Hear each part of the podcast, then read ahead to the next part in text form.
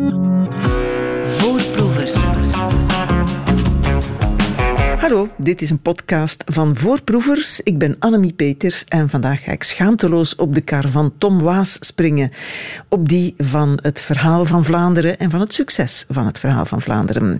De reeks begon bij de prehistorie en laat er nu net een voor ons interessant non-fictieproduct op de markt zijn. Een podcastreeks over die prehistorie genaamd Archeotoog. De podcast is gemaakt door Erwin Meilemans. Hij werkt als archeoloog voor het agentschap Onroerend Erfgoed. En in Archeotoog schuiven andere archeologen aan aan een toog en dan voeren ze gesprekken over interessante vondsten. En zo pas is in de reeks een special gelanceerd over de steentijd, omdat er ook onlangs dus interessante dingen gevonden zijn die komen uit de steentijd. De steentijd prehistorie in Vlaanderen, onder de grond, waar u woont, wie weet. Onder het Broekbos en onder het Paalspoor en onder het Heideven. Maar we beginnen in Cobblestone Lane in Bedrock.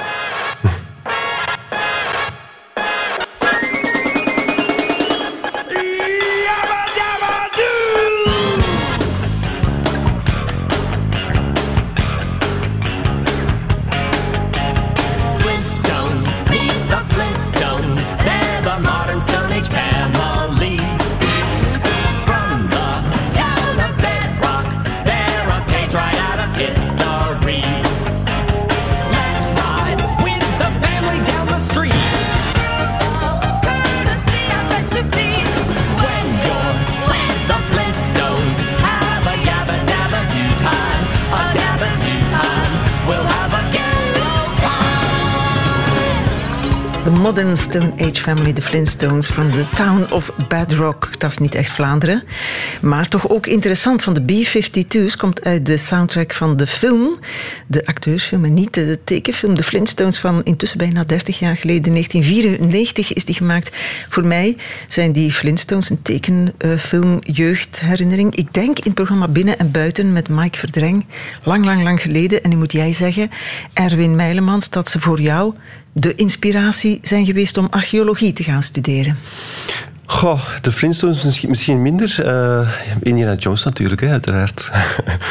en de media toen, eh, Lara Croft, Indiana Jones, die verhalen. En natuurlijk ja, de exotische verhalen. Je begint eigenlijk altijd archeologie met dat eh, exotische verhaal in het achterhoofd van Egypte en, en dat soort dingen. Dus Ja, dat- met iets romantisch. En dan natuurlijk. valt dat tegen als je dat echt gaat doen. Ik kan daarvan meespreken. Nu, de steentijd was wel tof bij de Flintstones, toch? Want die hadden auto's en kranten ook al. Hè? Stenen tabletten, weliswaar. Mammoeten ook. En ik heb geleerd bij Tom Waas dat dat waarheidsgetrouw is. Ja, er waren mammoeten in de steentijd, wel geen mammoeten die ook als waterkraandienst deden. Eh, daar hebben we in ieder geval geen eh, bewijs voor gevonden. De steentijd is eh, onderwerp van jullie laatste, laatste podcast. Die begint zo.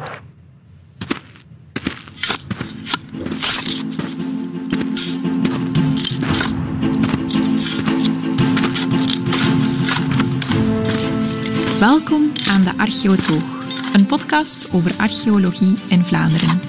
In deze Steentijd-special, in samenwerking met Exito, praten Carolien van Hekke en Erwin Meilemans met collega-archeologen over recent opgegraven Vlaamse prehistorische sites. Welke nieuwe inzichten haalden archeologen onlangs uit de grond? Misschien wel bij jou om de hoek. Je hoort het hier aan de Archeotoog.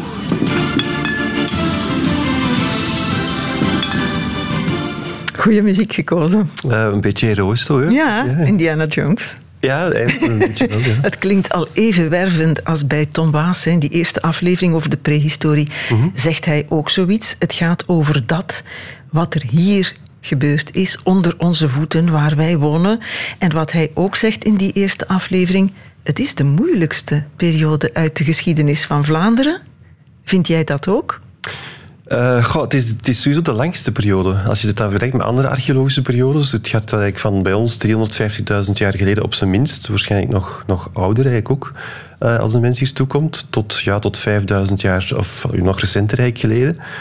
Eh, dus alle, alles wat daarna komt, is eigenlijk, als je het vergelijkt met die lange tijdsperiode, heel kort geweest. Ja, ja. En ook heel daar- complex natuurlijk. Ik had daar moeite mee al researchens over welke periode dat precies gaat. Want jij zegt 300.000 jaar geleden. Waar ben jij dan beginnen tellen? Als we het in Vlaanderen beginnen tellen, en van de oudste vondsten die we hebben van, van prehistorische mensen, dan hebben we het over de, de vuistbijl van Kessel op de Schans, die ook in een van de afleveringen aan bod komt. Dat is 350.000 jaar oud, dat is van de Homo heidelbergensis, eigenlijk een voorloper van, eh, van de moderne mens Dat eigenlijk. is een Vlaming. Eh, dat was ja, een Vlaming, ja. Eh, Onder- ja. on- onder Vlaam- onder wat nu Vlaamse ja, grond in- is. Ja, het is in, in Vlaamse grond gevonden eigenlijk. Ja. Eh, als we dan buiten Vlaanderen gaan kijken, dan begint eigenlijk prehistorie van de mens. Ja, in Afrika, dan, dan spreken we eigenlijk over 4 miljoen jaar terug natuurlijk. Zie, Dus, het is maar waar je begint te tellen, natuurlijk. Ja, hè. tuurlijk. Ja. En wanneer stopt de prehistorie? Als mensen beginnen schrijven. Wel, dat is ook weer een verhaal dat eigenlijk over heel de wereld een beetje anders is. Eh, bij ons is dat bij de, het toekomen van een keizerrijk, misschien de Bello, de Bello Gallico, hè, zijn de eerste geschreven bronnen over Vlaanderen, eigenlijk, min of meer. Dus wanneer het schrift begint, daar stopt eigenlijk de prehistorie. Dat is ook niet overal in de wereld op hetzelfde moment. Nee, want in het Midden-Oosten heb je natuurlijk ook al eh, veel vroeger eh, geschreven bronnen. En natuurlijk ook in Rome, Egypte, Griekenland. Dus het is voor interpretatie vatbaar. hè. Het is maar vanuit welk oogpunt, Ja, welk het is- standpunt je het ja, bekijkt. Het is eigenlijk overal, bijvoorbeeld de nieuwe steentijd, de introductie van de landbouw is bij ons vanaf 5000 voor Christus, maar is eigenlijk in het Midden-Oosten ook vanaf 11.000 voor Christus. Dus Ja, want een- mijn, mijn volgende vraag was... Ja. eh, jullie maken een podcast special over de steentijd. Mhm. Ja, wanneer begin je dan te tellen? Eh, ja, wij beginnen eigenlijk te tellen ja, vanaf die 350.000 zijn wij begonnen. Omdat we het over Vlaanderen hebben. Natuurlijk, ja, als we het hebben over prehistorische kunst, een van die andere afleveringen. Eh, dan gaan we ook buiten Vlaanderen kijken. Dan zitten we natuurlijk ook nog altijd in die marge van 350.000 jaar geleden. Als we het hebben over ontwikkeling van de mens en wanneer die hier toekomt, de eerste aflevering met Vele Rots bijvoorbeeld, die gaat over het maken van werktuigen. Dan moeten we eigenlijk beginnen in Afrika, hè, waar die eerste werktuigen beginnen op te duiken, waar eigenlijk de, de Homo habilis 2,5 miljoen jaar geleden eigenlijk de eerste complexere werktuigen maakt. Dus dan zitten we eigenlijk ja, weer een pak vroeg natuurlijk. Mogen we spreken over eh, Afrika, Frankrijk, Spanje? Want jij wordt betaald met Vlaams geld. In jouw podcast toch? Mag dat Goh. gaan over... Ja, ik denk dat, dat we niet kunnen. We kunnen het moeilijk eh, het verhaal van de mens vertellen alleen binnen Vlaanderen. Tom, Tom Baas is ook buiten Vlaanderen gaan, naar Speen gaan kijken, naar Spie. Eh, dus die grenzen bestonden toen uiteraard nog niet. Je kan dat verhaal van Vlaanderen niet vertellen of die vondsten in Vlaanderen zonder die, eh, die grotere context natuurlijk. Als je het hebt over Neandertalers die hier toekomen, die komen hier niet van, van die komen niet zomaar, die komen ja, via het, het, ook het oosten en het zuiden. En, Die komen uit Zuid-Limburg. Ja, voilà, die komen via de Maasvallei. Ja, Ja, hebben dan kwamen ze ja. uit het oosten. Ja, dat hebben we allemaal geleerd. Ja. Mhm. Interessant. Nu, je zegt moeilijk, eh, lange periode. Mhm. Hè, daarna zijn de Romeinen gekomen en zijn al die andere beschavingen gekomen. Dus zit dat zeer diep in de grond wat er nog van te vinden is? Hoe diep moet ik mij dat dan voorstellen? Als ik begin te spitten, hoe lang moet ik spitten? Ga, op sommige plaatsen moet je heel diep spitten. Eh, dat, hangt ook weer van, dat is ook weer een deel van de complexiteit. Want je moet eigenlijk heel, eh, voor het op zoek gaan naar die vondsten, moet je eigenlijk heel goed het landschap ook kennen. De landschap is ook overal niet hetzelfde. Eh, je hebt bijvoorbeeld de Vlaamse Vallei. Dat is eigenlijk een heel grote depressie in het Scheldebekken. En daar kunnen die zitters tot 20 meter diep zitten. Eh, dus maar op andere ja, plaatsen... Dat, dat kan ik niet met een spade. Nee, die proberen we op te sporen via boringen in eerste instantie.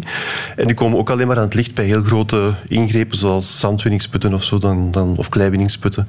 Dan komen die zitters aan het licht. Ja. Maar op andere plaatsen, eh, bijvoorbeeld de getuigenheuvels in Brabant, dat zijn eigenlijk eh, ja, ijzerzandsteenheuvels die er al heel lang staan. Daar kunnen die zitters van de, van de Neandertaler ook gewoon aan de oppervlakte liggen. Dus het hangt er echt wel sterk vanaf. Ja, en dan verplaatsten die mensen zich ook nog eens. Dat heb ik in jouw podcast gehoord. Dat eh, Ja. leer ik ook uit dat programma van Tom Waas. Dat die prehistorische mensen jagers-verzamelaars waren. Mhm, Dus dat die voortdurend verder trokken. Naar waar er eten te vinden was. Dus Mhm. dat, je, dat je geen vaste plekken hebt om te zoeken, om te weten... hier woonde een nederzetting bijvoorbeeld en hier hebben die zich uitgebouwd. Er waren wel eh, vaste plaatsen, zeker in de latere prehistorie, waar ze altijd terugkwamen. We hebben bijvoorbeeld die, die rivieren van het Scheldebekken. Hè. Dus eh, die riviercontexten waren heel aantrekkelijk voor de, de prehistorische mens, hè. De, de moderne mens dan, eh, als die rivieren zich ingesneden hadden. Eh, daar hadden ze heel veel vis, daar ze heel veel jacht, heel veel bessen. Ook het water zelf als transportmiddel. We weten dat, dat ze ook gebruik maakten van kano's bijvoorbeeld. En dan zien we dat die prehistorische mensen heel dikwijls op die drogere ruggen langs die rivieren zaten. eh, en daar echt duizend jaar lang regelmatig terugkwamen. Dus we weten nu niet natuurlijk of dat die... eh, het zijn natuurlijk niet altijd dezelfde mensen. En hoe ze deden dat ze waren. Het waren nomaden natuurlijk. Eh, maar er zijn toch wel plaatsen in het landschap die ze, waar ze een voorkeur voor hadden. En niet zo'n propere mensen, want als ze nomaden waren, dan lieten ze afval achter. Als je nog iets terugvindt en ze zijn telkens verder getrokken, dan hebben ze rommel achtergelaten. Gelukkig voor ons, want dat zijn de archeologische sites natuurlijk. Ja, Dus ja, dus het is echt rommel, afval, wat ze achterlieten. Eh, ja, ze lieten ze, eh, heel veel steenkapafval natuurlijk. Dus heel, eigenlijk is van hun afval vrij weinig bewaard in de regel, omdat er heel veel, er zal heel veel organisch materiaal geweest zijn, ook hout. Eh, maar dat is, het meeste ervan is vergaan, ook leer, huid. dat zal ook wel heel veel gebruikt geweest zijn. Benenobjecten. maar de meeste van die vondsten zijn eigenlijk allemaal verdwenen door ja, erosie, door het vergaan van die, van die grondstoffen. Dus wat dat wij vinden is vooral ja, hun stenen afval, eh, ja, steenbewerkingsafval eigenlijk. Eh, en dat kan soms gaan tot tienduizenden stukjes voor een site of honderdduizenden stukjes. Want bij het kappen van één steen heb je al, al gauw honderden artefactjes. Dus daar maken ze werktuigen van. En maar heel was- veel van die, van die werktuigen die ze hadden in, in been, steen, of been, gewei, hout, eh, vinden we niet meer terug natuurlijk. Of heel zelden terug Is vergaan. is vergaan of in uitzonderlijke contexten, zoals die begraven contexten, waar er waterverzadigd eh, materiaal is bijvoorbeeld, in, in geulcontexten. We weten ook eh, dat ze dikwijls naast die geulen zaten en dat ze hun afval in die geul gooiden. Hè. Ze waren niet zo vuil dat ze hun afval op de site zelf deponeerden dikwijls. Dus hun organisch materiaal gooiden ze gelukkig ook dikwijls in de geulvullingen van, van de Schelde bijvoorbeeld. En daar vinden ze het nog wel goed bewaard terug, omdat ze daar eh, onder waterverzadigde omstandigheden ja, duizend jaar lang zijn bewaard. Ja, maar het is een beetje gokwerk eigenlijk daarnaar beginnen zoeken. Eh, het Hè, is, dat laten we zeggen, gokwerk. Ja. Dus we en wat, weten, is, ja, ja, wat is de beredenering erin? Hè? Je, je weet ongeveer Mhm. wat de interessante plekken waren om af en toe te blijven hangen. Aan water, begrijp ik. Eh, water, eh, de nabijheid van water is een heel belangrijke factor blijkbaar. Dus de meeste sites bevinden zich heel dicht bij, bij beken of bij waterlopen, bij rivieren bijvoorbeeld, of bij, bij vennen of meren. Ehm, dus die droge zones langs die oevers eigenlijk, die, die zijn ja, voor ons eh, heel interessant. Voor het overige proberen wij ook na te gaan van waar die sites kunnen bewaard zijn. Soms zijn die oppervlakken, die toen het oppervlak waren, niet meer bewaard door erosie bijvoorbeeld, die zijn weg. Eh, dus zijn die twee combinaties van factoren, van waar is dat oppervlak bewaard nog en waar eh, denken we dat die prehistorische mens, of wat er grote kans was dat die prehistorische mens actief is geweest. Eh, en dan proberen we een beetje in de mindset van die prehistorische mens te komen natuurlijk, van waar, waar zou je zelf eigenlijk kan zitten langs het water. Dat- Als je op vakantie gaat, ga je ook dikwijls langs het water natuurlijk zitten. Dus dat is iets van... Ja, maar ik moet geen eten zoeken. Nee, nee. Dus, eh, maar zij wel natuurlijk. En in die, die riviercontexten, daar had, je vis bijvoorbeeld. We weten dat ze heel veel gevist hebben. Eh, maar daar had je ook heel veel eh, ander wild dat ook kwam drinken aan die waterlopen bijvoorbeeld. Hè. Herten, everzwijnen.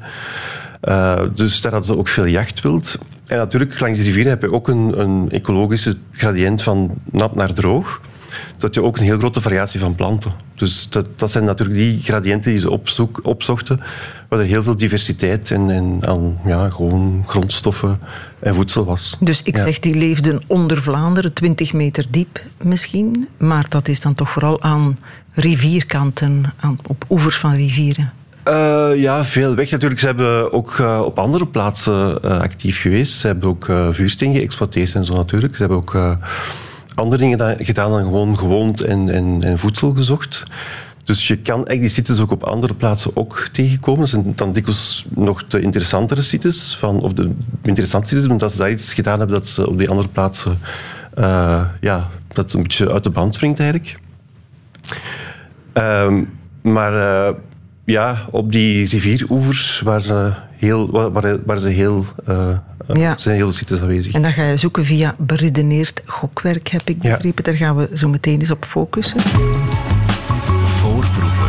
We hebben het over archeologie, een eh, podcastreeks over archeologie, genaamd De Archeotoog, gemaakt door mijn gast Erwin Meilemans podcast, waarvan een eerste seizoen rond is. Die gaat over de prehistorie. En in elke aflevering verzamelen zich een handvol archeologen en andere kenners rond een toog van een bestaand café.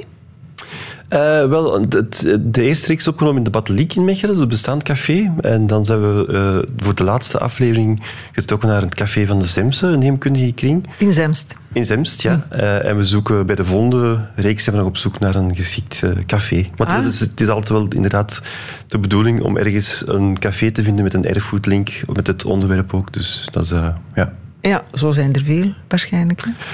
Ja, verrassend veel eigenlijk. Als je op zoek gaat naar eh, cafés met een erfgoedlink of cafés die gerelateerd zijn aan een heemkundige kring met een collectie bijvoorbeeld, Het- dan heb je eigenlijk heel veel keuze. Het Ja. stikt van de heemkundige kringen Ja, Mhm. ja. in Vlaanderen toch. En dan wordt er aan die toog gepalaverd, enfin, zinvol gepraat bedoel ik, Mhm. hè, over interessante dingen. Bijvoorbeeld over kunst in de prehistorie. Ik heb naar die aflevering geluisterd. Waarom die gemaakt zou zijn, stellen jullie je dan de vraag. Hè? De Mhm. ene denkt dit, de andere denkt dat. Want daar zijn de meningen over verdeeld. Zijn- bestaan gewichtige theorieën over, maar ik hoorde in jouw podcast ook iemand zeggen: misschien is dat ook gewoon uit verveling op die muren in die grotten gezet. Eh, ja, er zijn inderdaad heel veel theorieën. En voor een stuk zal het ook wel eh, tijdsbesteding geweest zijn. Maar die, die, die zaken zijn zo ongelooflijk mooi uitgewerkt en zo specialistisch eigenlijk ook wel. Eh, we zijn ook heel gelijkaardig over heel de wereld. Het gaat telkens over heel mythische figuren bijna, grote dieren. Eh, soms halfwezens, soms shamanen. Ehm, dus daar zit toch wel een zekere symbolische, re- religieuze eh, betekenis achter. Ook heel recent, eh, vorige week zelfs nog in het nieuws gekomen, dat er, er komen ook altijd heel dikwijls streepjes en, en stippen voor op die tekeningen. Dus er is ook het idee van dat dat misschien een soort van kalender was die aangaf aan de trek van bepaalde diersoorten. Dus misschien ook wel ja, iets dat utilitair was, dat het gebruiks, iets qua gebruik gaf. En plus dat die grotten, ja, die zijn duizenden jaren bezocht. Eh, die tekeningen zijn tienduizend jaar oud. Dus de prehistorische mens heeft daar ja, ook duizenden jaren van kunnen genieten eigenlijk. Dus ja, we, we denken toch, eh, omwille van al die factoren, dat er toch wel een diepere religieuze... Ja, behalve die betekenis- ene in jullie podcast. Hè? Die, die oppert is verveling geweest. Goh, ja. En eh, die zegt ook, uit verveling ontstaan creatieve gedachten. Dat is nog altijd wel zo. Hè? Kinderen moeten Tuurlijk, zich af en toe ja, vervelen. Ik heb goed geluisterd naar pod- We zijn aan het afwijken van Vlaanderen. En we gingen het over Vlaanderen hebben, Mhm. want we worden betaald met Vlaams geld. Jij toch zeker? Eh, ja, ik denk Ja. het wel. De grotten met tekeningen, dat vind je niet in Vlaanderen. Nee, wij hebben jammer genoeg eh, geen grotten met tekeningen. In Wallonië wel. Heb ik een paar prachtige. De grot van Chaleu bijvoorbeeld is een prachtige tekening van Oerend eh, bewaard, die, die nu in het KMKG hangt. In Vlaanderen hebben we jammer genoeg niet eh, van die grotten en, en van die bewaarde kunst. Maar we hebben wel een aantal ja, kunstobjecten die dan uit latere periodes... Ja, ja, dat zijn geen grotten natuurlijk. Zo Hm. erg is dat ook niet, want ik heb in jullie podcast ook iemand horen zeggen in Altamira, nee, in, in Lascaux bijvoorbeeld in Ja. Frankrijk, mag je niet meer binnen. Zelfs de kenners niet meer, want die stond op een wachtlijst en hij was een kenner. Ja, ja. ja, er is natuurlijk eh, de, de echte Lascaux-grot, die is heel gevoelig natuurlijk. Eh, als, er, als er heel veel mensen binnenkomen, die brengen door hun adem gewoon koolstof en, en vocht met zich mee. Dus dan beginnen die, die heel waardevolle tekeningen te degraderen. Eh, maar er is daar wel een Lascaux 2 gebouwd, die je wel kan bezoeken. Die heb ik ook bezocht een aantal jaar geleden. Eh, en dat is eigenlijk blijkbaar een perfecte kopie. Dat is eigenlijk een ongelooflijk perfecte kopie van het echte. Dat is natuurlijk niet het echte. Dat heb je natuurlijk wel in je achterhoofd als je daar komt. Ehm, maar ja, je kan ook wel begrijpen dat het, het is zo waardevol dat het moet eh, bewaard blijven en beschermd worden. Vind jij dat tof als je naar het Louvre gaat en ze zeggen, we hebben de Mona Lisa weggenomen? Want dat is te gevaarlijk, er hangt hier nu een kopie. Goh, nee, anderzijds, daar hangt nu de echte Mona Lisa en ik heb hem ook ooit gezien en daar staan dan heel veel mensen rond, dus de beleving is ook niet zo geweldig natuurlijk. Nee, je Dus kan, ja, je ja, kan ja. maar kijken van op de tiende rij, als je ervoor staat. En natuurlijk, ja, als het echt een, een perfecte kopie is, dan denk ik wel dat het kunstwerk eh, nog altijd wel tot zijn recht komt. Dus, ja. Nu, grotten met rotstekeningen waren er hoe dan ook niet in Vlaanderen. Mhm. Jullie hebben wel, en daar gaat jullie eh, laatste aflevering van seizoen 1 van de Archeotoog over, een special over de steentijd rond een paar recente vondsten. Mhm. Eh, in Vlaanderen. Hè. Heel interessant voor mensen die luisteren, want dat gaat echt over plekken die mensen kennen, waar mensen wonen. Eén in Beveren, één in Lommel, in Kerkhoven is er ook één. Ik kan mij voorstellen, eh, als plekken zijn waar mensen dichtbij wonen, dat mensen niet altijd opgezet zijn met die opgravingen. Want even zeggen hoe dat gaat. Je gaat iets bouwen. Tegenwoordig moet je, moet je er altijd een archeoloog bij roepen of toch een archeologische studie laten doen die dan bepaalt of je verder mag bouwen. Eh, niet altijd. Hangt af van oppervlaktecriteria en waar je bouwt. Er zijn bepaalde plekken bijvoorbeeld waar wij hebben ook een kaart van gebieden waar geen archeologie te verwachten is. Dus daar mag je sowieso bouwen, altijd. Eh, in het, het buitengebied, zoals we dat noemen, standaard boven 3000 vierkante meter. Als je er iets bouwt boven 3000 vierkante meter, moet je eigenlijk een archeologisch vooronderzoek laten doen. Eh, dat kan beperkt zijn tot een bureaustudie, maar dat kan dan inderdaad ook leiden tot een opgraving. Uh, en in bepaalde afgebakende zones, de archeologische zones of de beschermde archeologische zones, zijn die oppervlaktecriteria strenger. Heel streng. Ja, maar En- hebben veel ja. particulieren daar last van? Ehm, ja, het kan zijn als een particulier inderdaad boven die oppervlaktecriteria bouwt, dat hij een, ja, een archeologienota moet laten maken. Ehm, die archeologienota, als dat beperkt blijft tot een bureauonderzoek, is dat ja, een paar honderden tot misschien duizend of 2000 euro, afhankelijk van de de moeite toch, hè? Dat is de moeite en het komt er natuurlijk weer eens bij. Maar het alternatief is natuurlijk dat het... eh, ja, het is ook, allee, Vlaanderen is ongelooflijk rijk qua archeologisch erfgoed. Hè, van prehistorie tot Romeinse periode tot Wereldoorlog 1 en 2. Dus je vindt eigenlijk op heel veel plekken waardevol erfgoed. Eh, we kunnen het ook niet zomaar laten verdwijnen natuurlijk. Het is waar. Hm. Ja.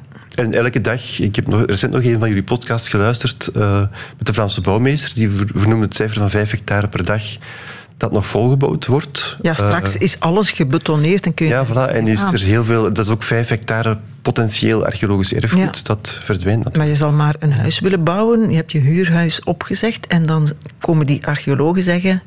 Stop, we denken dat hier iets belangrijks onder de grond zit. Ja, in het slechtste geval volgt er een opgraving. En dat is natuurlijk kostelijk. Eh, nu, ik denk dat de, de meeste van de, de grotere terreinen... Dat zijn verkavelingen en zo, of, bedrijfsterreinen.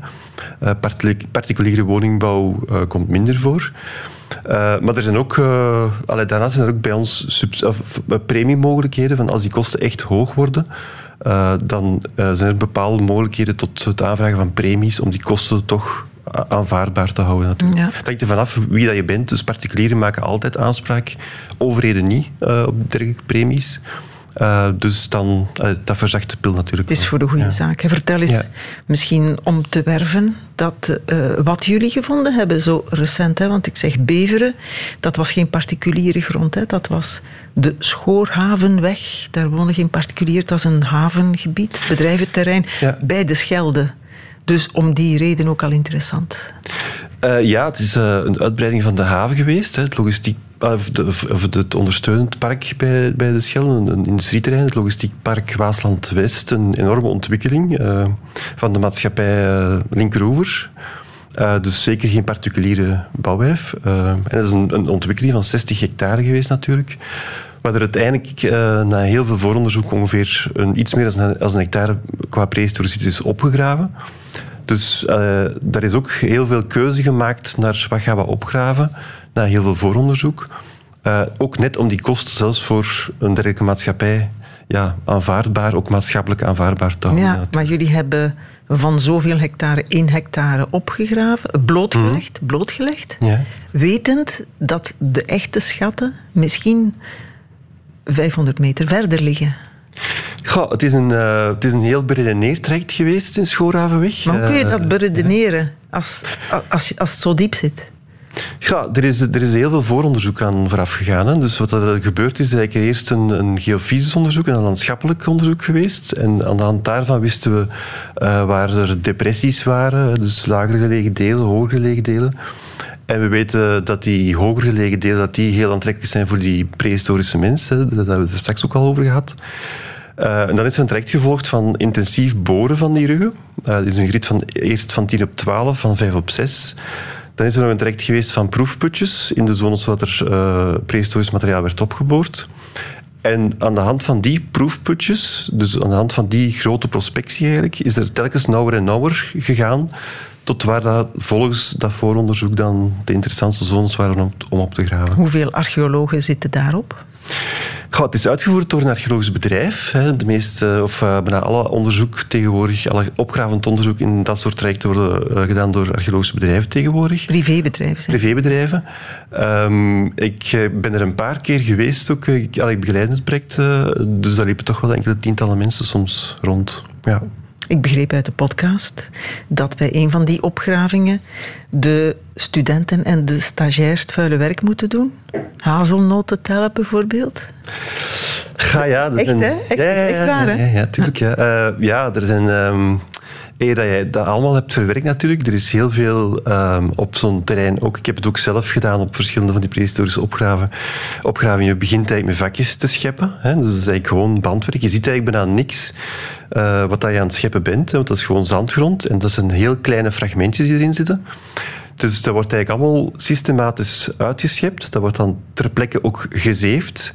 Eh, dan is er iemand aan, eh, na het zeven die bekijkt van wat zit er eigenlijk allemaal al in.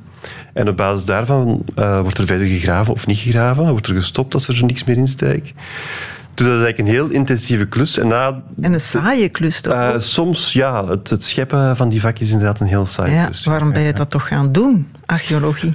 Goh, ja, omdat je- het. Omdat er interessante dingen gevonden worden. Omdat je ook weet van... Scho- Schoorhavenweg, maar ook de sites die, die, die ik zelf heb opgegraven. Ik heb bijvoorbeeld een site in Basel opgegraven ook. Ehm, dat is een heel intensief traject, maar je weet eigenlijk wel op het einde van het traject komt er iets fantastisch uit. En wat was er zo fantastisch? Qua Schoorhavenweg, qua andere sites? Ja, van de, Eh, qua- laatste, de laatste jaren ja. opgravingen Ja. bijvoorbeeld. Wel, de site van Basel die ik zelf heb opgegraven, bijvoorbeeld, hadden wij wel eh, die bewaring van organisch materiaal, maar daar eh, was effectief op de rand van de Scheldegeul ook. Zat Maar wat is een bewaring van organisch materiaal? Want dat is archeologenpraat. Ja, sorry. Waar ik Ja, geen, enkel, geen, enkel enthousiasme bij voel zelfs. Wel, eh, ik, die bewaring, eh, wat ik straks zei van die, die opvulling van die scheldegeulen en dat de, prehistorische mens daar zijn afval in dumpte, die context hadden we daar wel. Dus dat hadden we wel eh, bijvoorbeeld botmateriaal van jachtwild, hadden we wel plantenmateriaal van wat ze hadden verzameld, hadden we wel zelfs resten van ehm, ja, de prehistorische mens zelf, van een menselijk sleutelbeentje daar gevonden. Uh, en dan kom je eigenlijk wel heel dicht bij die prehistorische mens, want het was perfecte bewaring van bepaalde ook uh, werktuigen in been en gewei bijvoorbeeld. Uh, ook graankorrels. We hebben de oudste graankorrels daar gevonden van uh, in, in mm -hmm. van Noordwest-Europa. Je vertelde daar ja? straks, ze verplaatsten zich toen ook al met kano's. Ja, Heb je ja. ooit zo'n kano gevonden? Dat zou ik nee, dan spectaculair nee, noemen. Nee, nee. nee, wij niet. Uh, de hoop was, uh, onder andere in Basel en ook in Kerkhoven op voorhand, was die, is die mogelijkheid er, was die mogelijkheid er wel. Is die mogelijkheid er in de Scheldevlei nog altijd wel. Maar daar is er, zijn wel uh, organische objecten en, en, en slachtafval gevonden. Um, maar geen voorwerpen, geen voorwerpen of uh, inhoud of, of ja, zeker geen kano. In Nederland hebben ze er wel een aantal gevonden. Er is de oudste kano ter wereld trouwens gevonden, rond 7800 jaar uh, oud. Uh, ook een aantal andere in Hardingsveld, ook uit het, de middensteentijd. En ben jij dan jaloers op de Nederlander? Eerlijk. Jaloers? goh... Um, het ja, zal bij ons ook wel eens een keer gebeuren. ja, ja. We, hebben ook, uh, ja, we hebben ook onze eigen mooie sites natuurlijk. Hè. Kesselt, uh, dat is de oudste uh, in Vlaanderen, maar niet alleen. Dat is ook de oudste in, in de Lage Landen. Dus daar is, kunnen de Nederlanders dan weer jaloers op zijn natuurlijk. Dus ja. ja, hm. maar als je als specialisatie Egypte kiest bijvoorbeeld, of Romeinen, wanneer je archeologie gaat studeren, is de kans op um, tot de verbeelding sprekende vondsten toch groter? Goh, als de meeste mensen denken aan archeologie, dan denken ze inderdaad natuurlijk eerst aan piramides en grote tempels. Mummies? Uh, mummies, ja. Um, dat is inderdaad wel waar, dat zijn spectaculaire voorbeelden. Maar het verhaal van Vlaanderen en die, het verhaal van die ja, soms misschien op deze zicht onbeduidende sporen is eigenlijk even interessant. Ja, Als we het wat, hebben je over, er, ja. wat je ervan kunt maken. Hè, Tuurlijk, het zijn allemaal verhalen. En uh, op zich, ik kan me ook voorstellen bijvoorbeeld dat iemand die iets laat bouwen en die dan verplicht wordt archeologisch onderzoek te doen. En die dat op het einde van de rit ziet van er zijn hier 200 paalsporen en een huisplattegrond opgegraven. Was het, was het dit nu? Uh, maar dat is natuurlijk één puzzelstukje en er zijn heel veel van die puzzelstukjes die gelegd worden. En we maken om de zoveel tijd ook een balans op van dat, van dat gravend werk. Uh, de onderzoeksbalans, archeologie heet het dan. Uh, daar zijn we nu ook mee bezig op dit moment. En dan zie je dat al die puzzelstukjes toch weer een belangrijk nieuw verhaal brengen. Dus Mhm. mm -hmm. misschien elk bouwproject op zich Eh, levert op het eerste zicht niet zoveel ongelooflijk veel kennis op. Maar het is gewoon door al, alles, alles dat bij elkaar te, te leggen en, en te analyseren en te onderzoeken, dat we echt nieuwe kennis... en Misschien, die- ja. misschien moet er toch meer gebeuren qua ehm, voorlichting. hè, dit, soort verhalen naar de mensen brengen. Dan vind je het op slag wel interessanter. Hè? Dat is de bedoeling van jullie podcast ook, neem ik aan. Ja, dat is inderdaad. Wij hebben, dat is ook de bedoeling van het verhaal van Vlaanderen natuurlijk. Dat is een heel mooie kapstok eh, waar we ons kunnen eh, aan ophangen. Dat is ook de bedoeling van de podcast. Dat we inderdaad, we hebben die, die hele boeiende verhalen. Maar jammer genoeg blijft dat dan dikwijls in technische verslagen hangen. Of in bijvoorbeeld onze onderzoeksbalans ook een heel technisch document eigenlijk. Dat is bedoeld voor de sector. Maar dat zijn natuurlijk ook allemaal eh, verhalen die je voor een breed publiek kan brengen. En dat is het doel van de podcast, om daar ja, in, in- voor bepaalde periodes, gegroepeerd naar periodes, maar daar ook de interessante verhalen uit te halen en dan eh, ja, die te vertellen in een gesprek met specialisten op een Ja. heel brede manier. Ja, want moeten steden en gemeenten niet ook meewerken? Denk ik. Hè, de- Een site waar het ook in de podcast over gaat, ook een van die recent opgegraven sites in Lommel. Eh, ze heet Kristalpark. En we gaan daar nu niet op ingaan. Je moet maar naar uh, Archeotoog luisteren als je de details wil kennen. Maar ik heb dan eens opgezocht. Visit Lommel, dat is de toeristische dienst van Lommel, neem ik aan. Kristalpark. En dan krijg ik uitleg over het bedrijventerrein van de toekomst en een bijzondere locatie om te fietsen. En eh, imposante windmolens en zo. Maar niks over de prehistorie. Terwijl jullie daar toch dingen hebben gevonden. Dat is toch doodjammer? Ja, maar dat is natuurlijk een verhaal die ook... eh, dat onderzoek dat loopt natuurlijk nu op dit moment. Eh bijvoorbeeld in Be Beveren-Schoorhavenweg is er wel eh, ter plekke een monument opgericht dat refereert naar de, de prehistorische site. Eh, plus er is ook een, een erfgoedhuis in Lommel, de kolonie. Ehm, dus daar, zal- daar worden die verhalen wel verteld. Ehm, dus het vindt zijn weg wel op verschillende manieren naar Ik had wat dieper moeten graven. publiek. Ik had wat dieper moeten Ja, graven. Oké. Je hebt het niet gemerkt, Erwin Meilemans, maar ik heb streepjes gezet elke keer als jij zei... We weten het nog niet zo goed. Of we zijn nog aan het onderzoeken, of dat wisten we nog niet. Het viel mij ook op in jullie podcast hoe vaak... Wacht, ik laat een stukje horen. Eh, in het begin is het een klein beetje archeologenpraat. En spreken we dan eh, over dezelfde periode als bijvoorbeeld Schoorhavenweg, over het Mesolithicum, of hebben we het over een andere periode? Ik denk ehm, dat we inderdaad ook over het, neo- het Mesolithicum mogen spreken, misschien zelfs ook het Neolithicum. Maar wat dat misschien ook wel bijzonder is aan, aan onze site, is dat we ook ietsje vroeger in de tijd gaan naar het finaal Paleolithicum. En kan je dat vlug even schetsen in de tijd voor de mensen die de termen niet zo... ja. eh, Nu, we hebben het juist nog ehm, over gehad dat de exacte datering in kalenderjaren is aan discussie onderhavig. Ehm ruwweg hebben we het over een periode die ongeveer een duizendtal jaar duurt. Ehm, en tijdens die stabiliteit is er, eh, heeft die bodem eigenlijk een kans gehad om tot ontwikkeling te komen. In die zin dat we die eh, bodemontwikkeling nu kunnen terugvinden. Ja, dat is dan die typische Usselopbodem, zoals we die noemen. Die, eh, Ehm, ja, ook daar discussie over de benaming. Zolang jullie blijven discussiëren, zijn we gerust. Ja, ja. dus dat is eigenlijk een soort van ja, herkenbare bodem ehm, waaraan Ik geef toe, eh, Erwin Meilemans, ik heb er een beetje in geknipt. Anders werd het te lang. Maar die, ik weet het nog niet. En ik denk, en daar is nog discussie over, en het onderzoek is nog lopende, zaten er wel in. Hè. Laten we zeggen, vijf minuten podcast, dan heb je dat een keer of vijf ook gehoord. Ik sta ervan te kijken hoeveel wij niet weten, hoeveel onzekerheid er nog is. En, en, en, en, en waarmee dat dan te, te maken heeft met nog niet gevonden of nooit Ga- zullen vinden. Eh, nog niet gevonden en nooit zullen vinden, sowieso. Dat staat er ook bij. Er is ook wel heel veel van dat prehistorisch landschap weg en volgebouwd natuurlijk. Dus bepaalde sites die misschien wel heel belangrijk waren, zullen we nooit meer, nooit meer vinden. Ehm, plus, ja, er is eigenlijk de laatste jaren heel veel opgegraven. De drie sites die aan bod komen in de specials zijn misschien wel de drie grootste opgravingen van steentijdsites ooit geweest in, in Vlaanderen. Dus erg, erg belangrijk. Is erg belangrijk, maar het is eigenlijk ook allemaal nieuwe kennis. Eh, De opgravingen van daarvoor, in de jaren 80 en 90, waren, van prehistorische sites dan, waren dikwijls heel beperkt in oppervlakte en hebben ons heel veel bijgeleerd. Eh, dan zijn er nog of opgravingen geweest in de, eh, de, de bouw van de havens, Deurgang-Dok, eh, de dokken, Deurgang-Dok, Verrebroek-Dok. Er is ook heel veel kennis op een grootschalige manier verzameld. Eh, maar we merken dat bij elke site dat opgegraven wordt, komen weer nieuwe aspecten eh, aan bod. Ja. En je hebt natuurlijk inderdaad je hebt een hele lange periode. Die sites, zoals nu ook eh, dat je hoort bij Lommel Kristalpark, hè, Marjolein zegt daar ook van, we hebben ook Mesolithicum, Neolithicum waarschijnlijk, we hebben ook, maar ook een periode die ouder zit. Die, die prehistorische of die aantrekkelijke prehistorische plaatsen waren ook aantrekkelijk gedurende duizend jaren lang. Dus het gevolg is dat je eigenlijk een soort van wat wij noemen een palimpsest krijgt. Dat je eigenlijk verschillende sites door elkaar krijgt. Dat je eigenlijk misschien op één plek soms drie, vier verschillende ja, huisplaatsen, laten we zeggen, of kapplaatsen eh, vindt, of resten van, van bewoning die eh, soms duizend jaren van elkaar verschillen. Dus het is eigenlijk echt wel een puzzel die ook in elkaar zit en die achteraf moet ontrafeld worden aan de hand van heel specialistisch onderzoek soms. En Ja, ja, dateringen. maar archeologie, be- eh, specialisatie steentijd, bestaat Ja. toch ook al...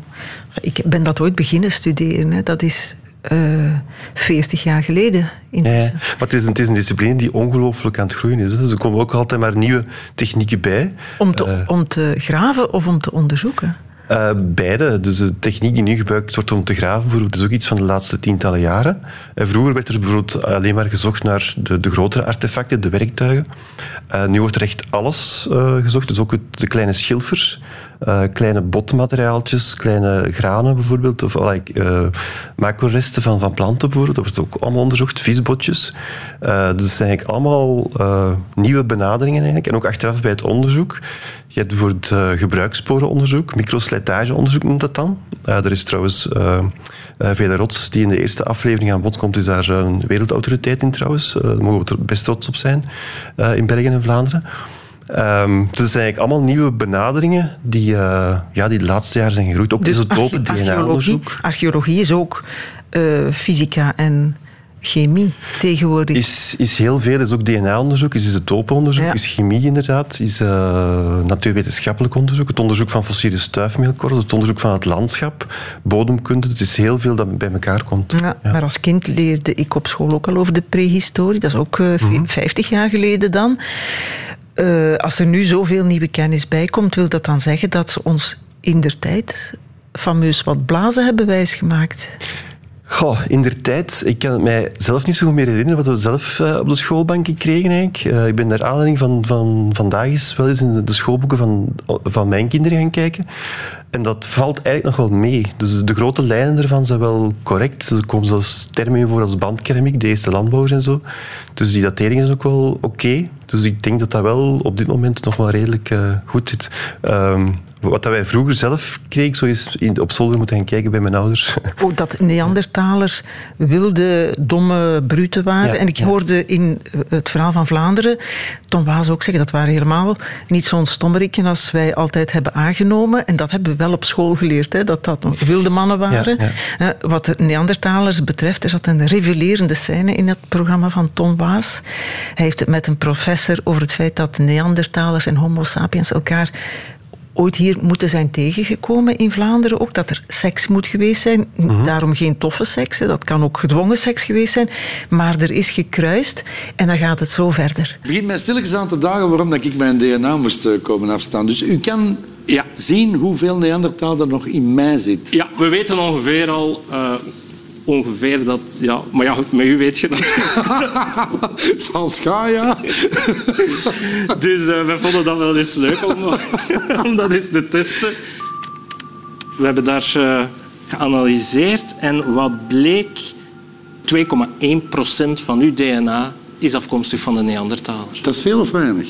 Dat is exact ook wat we verwachten voor een West-Europeaan. Dat ligt altijd tussen de 1,8 en de 2,4. Daar kun je toch mee leven? Daar kan je perfect mee leven. Je denkt altijd dat wij homo sapiens zijn, maar we zijn eigenlijk nog altijd de beide. Ja, eigenlijk wel, maar voor een klein percentage een Neandertaler. Dus die zijn eigenlijk niet uitgestorven, want er zit er hier een naast mij. En naast mij. Ah ja, oké. Okay. Ja. Ze waren hoegenaamd geen bruten, want er zat er een naast hem en naast hem. Wist jij dat, Erwin Meilemans? Het is via dat DNA-onderzoek van de laatste jaren effectief. Dat er blijkt dat, er, dat wij, de westerse mensen, dat wij 2% tot of meer uh, allemaal Neandertaler DNA hebben. De Afrikanen hebben dat niet, want die stammen, die hebben nooit, dat is Neandertaler nooit geweest eigenlijk. En de Aziatische populaties hebben dan weer uh, 2 tot 6 procent van de Denisova-mens. Dus ja, we hebben inderdaad allemaal DNA. Ja, van en als je begint te tellen, dan is er misschien meer DNA van Neandertaler dat er nu rondloopt. Ja, eigenlijk is er meer Neandertaler nu, want ja, we spreken vroeger eh, hoeveel mensen, hoeveel Neandertalers liepen hier rond bij, op elk moment. Dat is maximum in Vlaanderen misschien een, een paar honderd, als het al zoveel was. Nu zijn we natuurlijk met miljarden, dus opgeteld is er eigenlijk meer Neandertaler nu dan in de tijd er ooit geweest is. Interessant allemaal. hè. Tom Waas wordt lesmateriaal, heb ik begrepen. Jazeker. Misschien moeten leraars ook maar naar jouw podcast luisteren. Hè? Om in de klas te laten horen, is hij misschien iets te specialistisch voor archeologen. We zullen ons best doen bij de volgende aflevering. Ja, zeer goed, want er komt een nieuwe aflevering over de Romeinen, heb ik ook begrepen. Erwin Meilemans, dank je wel. Dank u. Voorproevers. Dit was een podcast van Voorproevers. De hele serie is te vinden op VRT Max. Voorproevers.